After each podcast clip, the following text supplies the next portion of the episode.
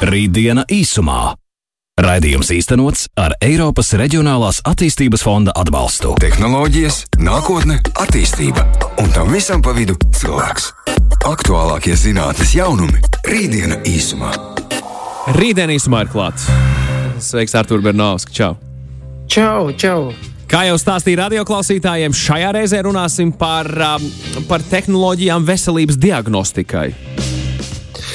Jā, nu, tā ir tāda ļoti aktuāla tēma katram personīgi, jo nu, veselība ir tā, par ko gribās parūpēties un vienmēr gribās justies labi. Un, ja, ja mēs kādreiz, nu, teiksim, senātnē diagnosticējām pēc dažādām pazīmēm, vizuālajām, nu, ārsts tur pārbauda, skatījās pēc mēles, ādas krāsas, acu zīlītēm, tad šobrīd, protams, nu, to visu var darīt precīzāk, detalizētāk tehnoloģijām un nu, dziļi, dziļi, dziļi organismu jau iekšienē. Un, eh, jā, un tāpēc, lai šo tēmu vairāk un labāk izprastu, mums ir arī viesis. Mums viesis ir eh, Kristaps Kļaviņš, kurš ir Rīgas Tehniskās Universitātes vispārīgās ķīmijas tehnoloģijas institūta pētnieks un docents. Sveiki, Kristaps! Čau visiem! Jā, to es arī no tiem, es neko tādu teikt, arī varoņiem, kurš ir ārzemēs darbojies, pētījis, un tagad es atgriezies Latvijā, lai darbotos Latvijā. Jā, jā tā ir jau kopš. Um, tiksim, tā, gandrīz pēdējos desmit gadus pavadījis ārzemēs, Austrijā, kur es studēju doktorantūrā, un arī pēc tam veiksmīgi darbojos zinātnē. Un kopš jūnija esmu atgriezies Latvijā, un kopš augusta strādāju Rīgas Tehniskajā universitātē. Super. Nu, prieks vienmēr dzirdēt par tādiem cilvēkiem, kas ārzemēs izglītojās un nu, to pēc tam devumu dod Latvijā atpakaļ šeit. Jā, par diagnostiku. Kā, kā tu varbūt varētu tā paskaidrot, kādi ir tie diagnostikas veidi mūsdienās, par, par ko mēs runājam moderni, kad mēs runājam par, par šīm te diagnostikas tehnoloģijām? Nu, principā diagnostika mūsdienās iekļauj daudz un dažādas metodes arī daļa no tām, ko jau minēju, tās klasiskās, teiksim, kad aiziet pie ārsta, parāda viņam mēli un izstāsta, ka kaut kas sāp, un ārsts to diagnosticēs. Tas tā būtu noteikti tāda klīniskā diagnostika, ko veic ārsts vai, vai medicīnas speciālists. Tad, protams, ir tādas diagnostikas veidi, kā piemēram radioloģiskā diagnostika. Klasiskā izpratnē tas ir rentgens. Tu aiziet uztaisīt plaušu rengenu, ribu rengenu, pastāstīt, ok, tev ir laustas ribas, tāpēc tev sāp sāns. Vai, teiksim, datortomogrāfija. Uh, un tas, kur es esmu iesaistīts un ko es pētīju, es biju iesaistīts dažādos pētījumos, ir tā saucamā molekulārā diagnostika, jeb uh, laboratorijas testi. Un šeit jau mēs runājam par to, ko minēji, ka mēs skatāmies ne tikai skatāmies iekšā ķermenī, kas notiek, bet mēs mēģinām saprast tādā molekulārā līmenī, vielu līmenī, kas ķermenī notiek. Tiek mērītas dažādas vielas, tās var būt lielas vielas, kā teiksim, DNS, proteīni vai mazas vielas, teiksim, metabolīti. Un tieši tā metabolīta mērīšana, tas, ar ko es pēdējos desmit gadus um, esmu nodarbojies. Nu, cik mēs esam šobrīd jau tālu pavirzījušies šajā molekulārajā diagnostikā, jo nu, tas tomēr ir kaut kas pilnīgi jauns un revolucionārs. Cik, cik dziļi mēs šobrīd varam paskatīties un atklāt, pētot šo molekulāro diagnostikas ierīču šos rezultātus? Nu, Principā mūsdienās mēs esam diezgan, diezgan tālu progresējuši, un ir daudz un dažādas metodes. Teiksim, ja pastāstām vadošās klīnikās ārzemēs, viņam, kā piemēram Amerikas Savienotās valsts, tad ir līdz pat desmit tūkstoši diagnostikas testi, ko tāda kārtīga diagnostikas laboratorija var veikt. Um, un tā diagnostika jau sākas principā pirms, pirms mūsu piedzimšanas. Kā mēs zinām, tiem, kuriem ir bērni, vai ne, kad, kad tiek pētīts bērnu ģimenē, tad arī var veikt testus, skatīties, vai nav kaut kādas iedzimtas ģenētikas slimības. Un kad, tad, kad bērns jau piedzimst, teiksim, arī no savas pieredzes, jau pirmajā dzīves stundā tiek paņemts paraugs, tā saucamais jaundzimušo skrīnings, kur skatās, mēra, mēģina noteikt 50, pat vairāk nekā 50 dažādas uh, iedzimtas slimības. Tās galvenokārt ir saistītas ar vielmaiņas traucējumiem, un ļoti daudz no šīm slimībām jāatklāj pirmajās tieši dienās, kad bērns ir piedzimis. Teiksim, tāds viens piemērs ir slimība, ko sauc par fenilketonurija, tā ļoti reti iedzimta vilmaņa slimība. Ja to neatklāja pirmajās dienās, tad var rasties ļoti nopietni smadzeņu, smadzeņu bojājumi bērnam. Bet, ja to atklāja, tad var iejaukties. Iejaukšanās diezgan, diezgan vienkārši. Tad, tur, piemēram, speciāls diētas, lai nebūtu tas viens aminoskāps vairāk šajā diētā. Un līdz ar to var, var bērniņš var pilnvērtīgi augt un attīstīties, un arī būt pilnvērtīga dzīve. Tā kā tie laboratorijas testi principā mūs pavada sākot no mūsu, teiksim, pat vēl nedzimšanas, līdz pat mūsu um, uh, nāves brīdim. Kur ir teiksim, problēma mūsdienu medicīnā, mēs tā skatāmies, tad uh, joprojām mūsdienu medicīna fokusējās vairāk uz ārstēšanu. Tātad mēs, ja mums ir problēma, mums ir slimība, mēs domājam, kā viņu ārstēt. Mēs nedomājam tik daudz, kā šo slimību novērst. Tad sekot veselībai līdzi visu laiku un fiksēt to punktu, kad slimība sāk parādīties. Um, ir, protams, daudz pētījumu, kas ir šajā virzienā, bet tas tā joma, kur joprojām jau vajadzētu attīstīt. Jo, ja mēs to salīdzinām, teiksim, ja veselība būtu kā filma, tad šobrīd mēs tajā filmā pieslēdzamies, ja teiksim, filmē trīs stundas, mēs pieslēdzamies pāris reizes uz pāris sekundēm, Un tā kā beigās, kad tiešām kaut kas notiek liels, tad mēs varbūt pāris minūtes paskatāmies. Tā, tā pilnā ainos pilnīgi šobrīd nav skaidra. Jā, pieskaries šeit nu, preventīvai diagnostikai, kur mēs varam jau nu, sekot līdzi varbūt veselības stāvoklim pirms jau kaut kas notiek. Un šajā virzienā nu, kaut kādā mazā solī kustās arī viedās ierīces. Un, nu, ir šie viedie pulksteņi un daži, dažādi citi viedie sensori, ko ap ķermeni mēs varam likt mērīt, diagnosticēt, nu, vai drīzāk jāsaka, sekot līdzi varbūt šiem pulsiem, sirdsritmam, arī citiem rādītājiem. Un nu, kaut kādus padomus, ieteikumus jau viņi šobrīd dod. Nu, kāds ir tavs redzējums, varbūt, cik nu, objektīvi, varbūt, vai cik viņi, nu, varbūt ne objektīvi, bet cik viņi spēj šobrīd jau kaut ko paredzēt, un cik mēs esam tālu no tā, ka, nu, ka tiešām šī vieda aprots nu, būs jau mūsu tāds viedais ārsts, konsultants. Nu jā, mūsdienās, domāju, man liekas, gandrīz katram otram cilvēkam, ieskaitot arī mani, ir kaut kāds sports uh, trekeris. Ja man ir fitbits, pieņemsim, kurš seko līdzi, cik daudz noskrienu, kāds man ir sirdsdarbība, uh, kāds man ir miera stāvoklis, sirds ātrums. Um, un, protams, šīs ierīces vāc daudz un dažādus datus. Um, ir pētījumi, ir publikācijas, kas šogad ir iznākušas, teiksim, ka šīs ierīces tikai mērot uh, miera stāvokli, sirds ātrumu, spēja paredzēt gripas saslimšanu vai gripai līdzīgu uh, saslimšanu izplatību. Teiksim, bija publikācija šī gada sākumā, kur uh, tika izmantoti dati no 47,000 lietotāju Fitbit. Uh, viņus novēroja divu gadu garumā. Tad, skatoties uz sirdsdarbības ātrum, datiem, varēja paredzēt, kurā vietā izceļas teiksim, gripas epidēmija. Tad, attiecīgi, med medicīnas darbinieki varēja rīkoties, lai, lai, to, lai to ierobežotu. Um, protams, kur mēs saskaramies ar problēmu, ir, ka tas ir, nu, mēs sākam jau iet, kā teikt, big data um, lauciņā. Un tas datu apjoms ir šausmīgi liels, um, šausmīgi apjomīgs, un tad nepieciešams diezgan um, ne tikai zināšanas, ko darīt ar datiem kā tādiem, bet arī tā saprāšana par bioloģiskiem procesiem. Ja, piemēram, nu, ja paceļās sirdsdarbība, sirdsdarbība var pātrināties, teiksim, vasarā vai, vai, vai um, ja teiksim, pētījumi, kas rāda, ka augstāk klimatā sirdsdarbība pātrinās. Tā kā saprast, kuri tieši bioloģiskie procesi ir atbildīgi par kaut kādām izmaiņām sirdsdarbībā, nu, tas, tas mums vēl būtu um, mazliet jāpēta um, ciešāk. Un, protams, tie, tie, tas faktoru skaits, ko mēs varam nomērīt ar šām viedierīcēm, būs diezgan, diezgan ierobežots.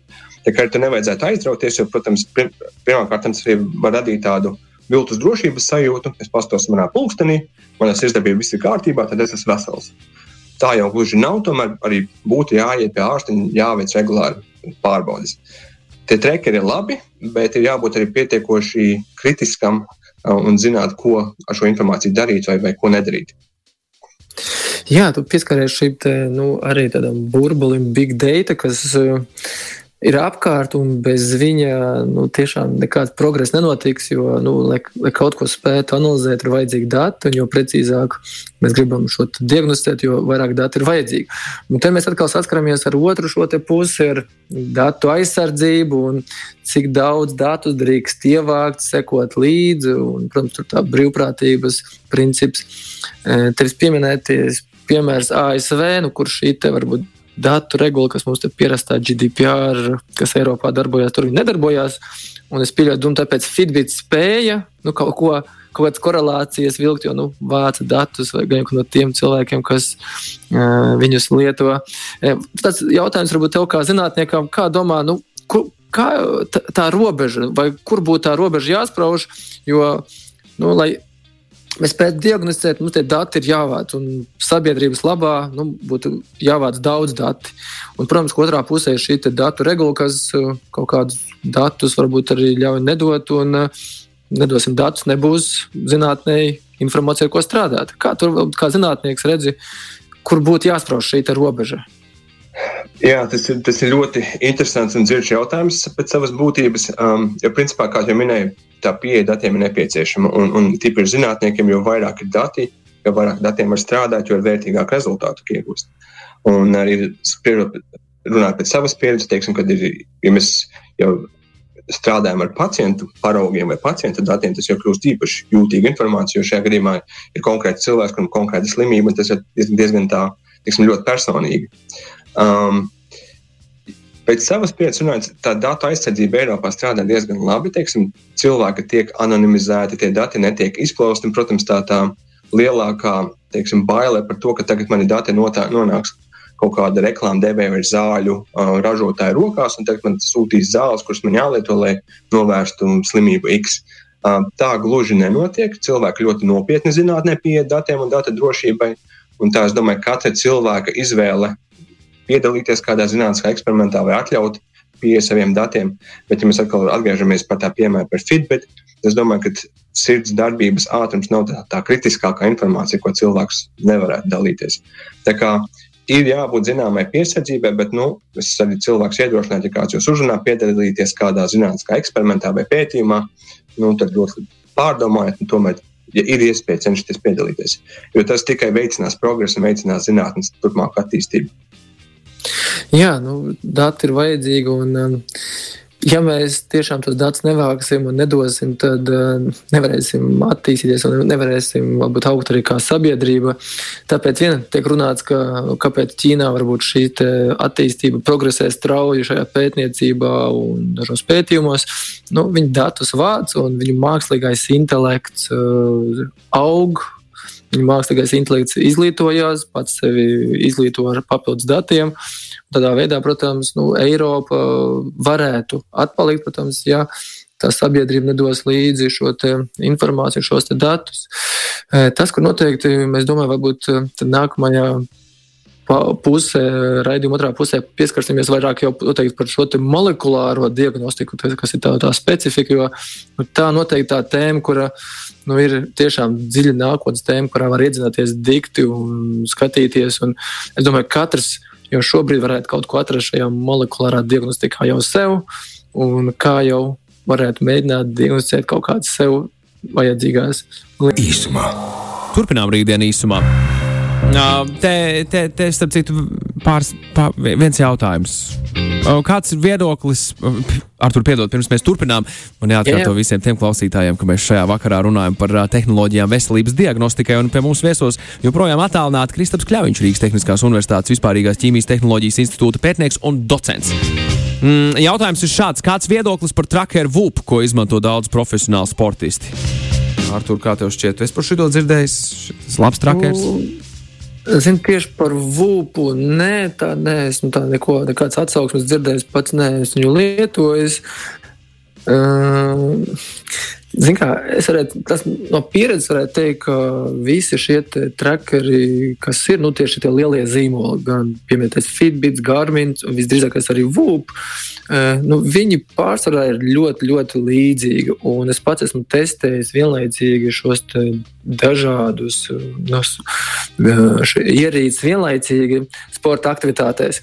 Un viņu atšķirība bija nu, 1-2%. Tur tiešām bija mazas atšķirības. Tie skaitā arī e, mērot pat miegu. Miegu arī šīs fāzes arī maz atšķirās. Es pieļauju domu, ka tāpēc, tāpēc ka kāds sporta zvaigznes lieto, tas nenozīmē, tas drīzākais, ka viņš ir labāks. Tas drīzākais varētu būt, ka nu, tur ir laba kampaņa bijusi un būtu visdrīzākais visas tās pašas iespējas, kas arī alternatīvām ierīcēm. Tagad tas man tāds personīgais no pieredzes, bet par vulpu jā, nekā konkrēti neesmu tādu dzirdējis, kas būtu īpašāks par citiem. Bet, ja mēs pieskaramies šīm ierīcēm, um, te man īstenībā, um, laikam, turpinājums tieši Kristapam ir jautājums. Um, es pats, kad es biju šī gada sākumā Londonā, tad nu, man bija iespēja patestēt tādu ierīci kā DNA nudge, kas nu, nosacīti, varētu teikt, ir viedā aproce, kas balstās uz DNS, arī nodot DNS analīzes. Un tad uh, viņš jau dod ieteikumus pārtikas produktiem, nu, kas atbilstu manam te manam metabolismam, manai veselībai. Protams, man bija grūti pārliecināties par to patiesumu un realitāti, jo nu, tad tiešām tur jābūt tādam zinātniskam pētījumam, vai tas produkts tiešām man labvēlīgs vai nav labvēlīgs. Bet, Kristap, kā tu redzi, vai tiešām šie produkti, kas nu, apgalvo par šo DNS savietojamību ar pārtiku, vai viņi nu, spēj kaut kādā formā to patiesu dot dāts, ja tas tomēr vairāk ir tāds vēl nu, agrās stadijas testi? Manuprāt, tas vēl diezgan agrā stadijā ir. Jo, jo principā ar to DNS ir tā, ka DNS pasaka, dot instrukcijas kas ar tavu ķermeni var notikt, bet tas nepasaka to, ka tas notiks. Līdz tam ne visi gēni, kas ir tevī, ir aktīvi dotajā brīdī, un ne visi gēni tiek iesaistīti. Tā kā arī saprast, kurš gēns ko dara. Ja mēs zinām to cilvēku gēnu sekvenci, mēs diezgan labi saprotam teiksim, tos, tos gēnus, kas ir nepieciešami, kāda ir funkcija, bet nu, tā līdz galam viņus visus vēl nesaprotam. Un tas, ka um, līdz ar to arī to pievilkt teiksim, tavu vielmaiņu uh, gēniem, jā, vielmaiņa un gēni ir savā starpā saistīti, bet tas nenozīmē, ka tavs eh, DNS kods pateiks to, kas tev būtu jāēd. Mhm. Kā ir ar kaut kādu tuvāko nākotni? Nu, nu, es esmu dzirdējis par šiem nanorobotiem, asinsvados, kas arī spēj tur mūs diagnosticēt no, no, no iekšpuses un ar mākslīgo intelektu uh, savienoti šie te, šīs ierīces. Vai būs tā, ka nu, mēs spēsim mājās diagnosticēt visas šīs lietas, visas šīs mūsu potenciālās kaitas, ārsta apmeklējums būs tiešām tikai un vienīgi tad, kad kaut kas būs aizgājis greizi? Vai tā ir tomēr vēl futūristiska nākotne, par ko nu, mēs varam skatīties tikai fantastiskas filmās? Es domāju, tas ir tāds fantastisks filmu materiāls šobrīd. Jo, kā jau minēju, tās faktori, ko mēs varam nomērīt mājās, tas ir diezgan ierobežoti tas, ko, ko es redzu tādā diezgan drīzā nākotnē, kas attīstās, ir, teiksim, tā ir paraugu iegūšana mājās. Teiksim, mēs zinām, ka ja mēs mēram vielas asins paraugos, urīnās, iekalās, ja mēs aizsūtām uz laboratoriju, tad laboratorijā šajos paraugos var nomērīt vairākus tūkstošus savienojumu. Tas ir tas, ko es esmu iesaistīts. Tas saucās metabolisms, jeb vielmaiņas pētījumi. Un ir zināms, ka vielmaiņu un metabolismu ietekmē gan iekšēji procesi, kas var būt tavs ģenētiskais kods vai kaut kādas slimības, kā arī ārējie procesi, tā ir pārtika, ko tāpēc vide, kurā tu dzīvo. Un mēs mēram šos metabolītus, kas ir šīs vielmaiņas, teiksim, tās ķīmiskās vielas, kas vielmaiņās iesaistās, tad zinot, kā viņas izmainās dažādos gadījumos, mēs varam paredzēt, kāda būs slimības. Vai, vai teiksim, noķert tās slimības pirms viņas sākās. Un līdz ar to tā tuvākā nākotnē tas, ka būs jau ir pieejamas ierīces, kas atļauj mājas apstākļos droši iegūt, teiksim, asins paraugu vai iegūt urīna paraugu, un tad to aizsūtīt uz laboratoriju, kur tālāk to nomēra, izmēra teiksim, šos metabolītus, lai pielmaiņas produktus, un jau tad skatās pēc zināmiem algoritmiem un mēģināt paredzēt, paredzēt, vai slimība sāksies vai nesāksies, kad viņa sāksies, un kurā brīdī to teiksim, vajadzētu aiziet pie ārsta, labāk pārbaudīt sevi. Un kā mums vispār pašiem Latvijā ir? Nu, Jo nu, mēs Latvijā tomēr arī diezgan labā, augstā līmenī spējam kaut ko analizēt, darīt un ražot. Bet nu, mums, protams, kā mazai valstī, ir jāatrod tāda maza niša fokus. Kas ir šobrīd tāds Latvijas virziens šajā diagnostikas vai molekulārajā diagnostikā, kurā virzienā mēs kā, vairāk ejam, virzamies un kādā līmenī mēs kā, globāli kotējamies? Atklāti sakot, man diezgan grūti ir komentēt, jo es nepārāk labi pārzinu Latvijas teiksim, to, to pētniecisko vidi, kas šobrīd attīstās. Tas, ko es redzu, protams, ka mēs, nu, mēs esam vienā līmenī ar, ar Eiropas vai, vai pasaules pētījumiem. Tas virziens ir tajā, ka mēs mēģinām uh, virzīties tajā personalizētajā medicīnā, Tas ir tieksim, palīdzēt katram individam atsevišķi, piemeklēt katram individam atsevišķi ārstēšanas metodes, piemeklēt zāles, kas katram individam strādā atsevišķi. Tā kā tā personalizētā medicīna, tas ir tā joma, kur Latvija strādā. Um, vai ir kaut kas, kas ir tieši, tieši Latvijai īpaši šobrīd, nu, man to tiešām grūti šobrīd komentēt. Un jūs tajā institūtā, ko jūs pētījat, tā vairāk, kas ir tas jūsu lauciņš?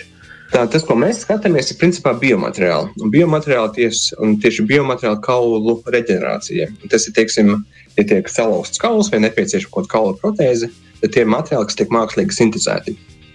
Un tad tieši tas, tas ko skatos uh, savā pētījumā, ir, kā šie biomateriāli izmaina uh, vielmaiņu, kā izmaina metabolismu, un vai šīs izmaiņas var izmantot, lai radītu personalizētus biomateriālus. Tad, zinot, kāda cilvēkam ir vielmaiņa, teiksim, ne, ne gēni, bet jau kāda viņam ir vielmaiņa, viņam piemeklēt attiecīgi biomateriālus, teiksim, kaula proteīzes, kas tiešām šim cilvēkam strādās vislabāk un neizrādīs nekādas blaknes.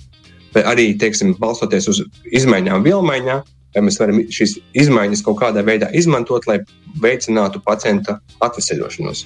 Teiksim, ja, ja mēs zinām, ka kaut kādām konkrētām šūnām, kas veicina sadzīšanu, ir nepieciešams taukskābes metabolismā, tad mēs šīs taukskābes varam ievietot iekšā biomateriālos ar cerību, ka šīs šūnas labāk jutīsies un labāk teiksim, sadzīs operācijas. Ļoti ļoti labi. Man liekas, ka šī tēma tiešām ir interesanta un dziļa un varētu vēl rakties daudz un dikt. Un es mums pierīgu vienreiz raidījums tieši par biomateriāliem, un tur um, tāds, mēs skatījām tāds titāna putas tieši, kas varētu palīdzēt nākotnē tieši saistībā ar kaulu reģenerāciju, veidošanu. Tas arī ir interesants tāds virziens. Un pilnīgi prieks dzirdēt, ka Latvijā mēs to skatām, pētām un esam arī tādā globālā līmenī jau pat zinām, arī atpazīstam kaut kur. Es domāju, ka Baltijā tieši biomateriāla ziņā mēs esam vieni no, no Baltijām, esam vadošie. Ļoti labi. Vismaz kaut kur mēs atkal esam kaimiņiem priekšā, par ko pašiem vienmēr ir prieks. Jā, tā kā laikam mēs jau arī ejam uz beigām, un uh, mums tūlīt jau būs jāgatavojas uh, mūsu nobeigumam. Magnus. Tā ir. Paldies, Mīļš, par sarunu. Līdz, līdz nākamajai, nākamajai reizei, un, un lai viss izdodas. Gan šajā pirmdienas vakarā, gan, gan arī tālāk, vēlāk, tur tālumā. Paldies par sarunu. Vislabāk! Jā, paldies! Jā, čau, čau! Rītdiena īsumā. Raidījums īstenots ar Eiropas Reģionālās attīstības fonda atbalstu.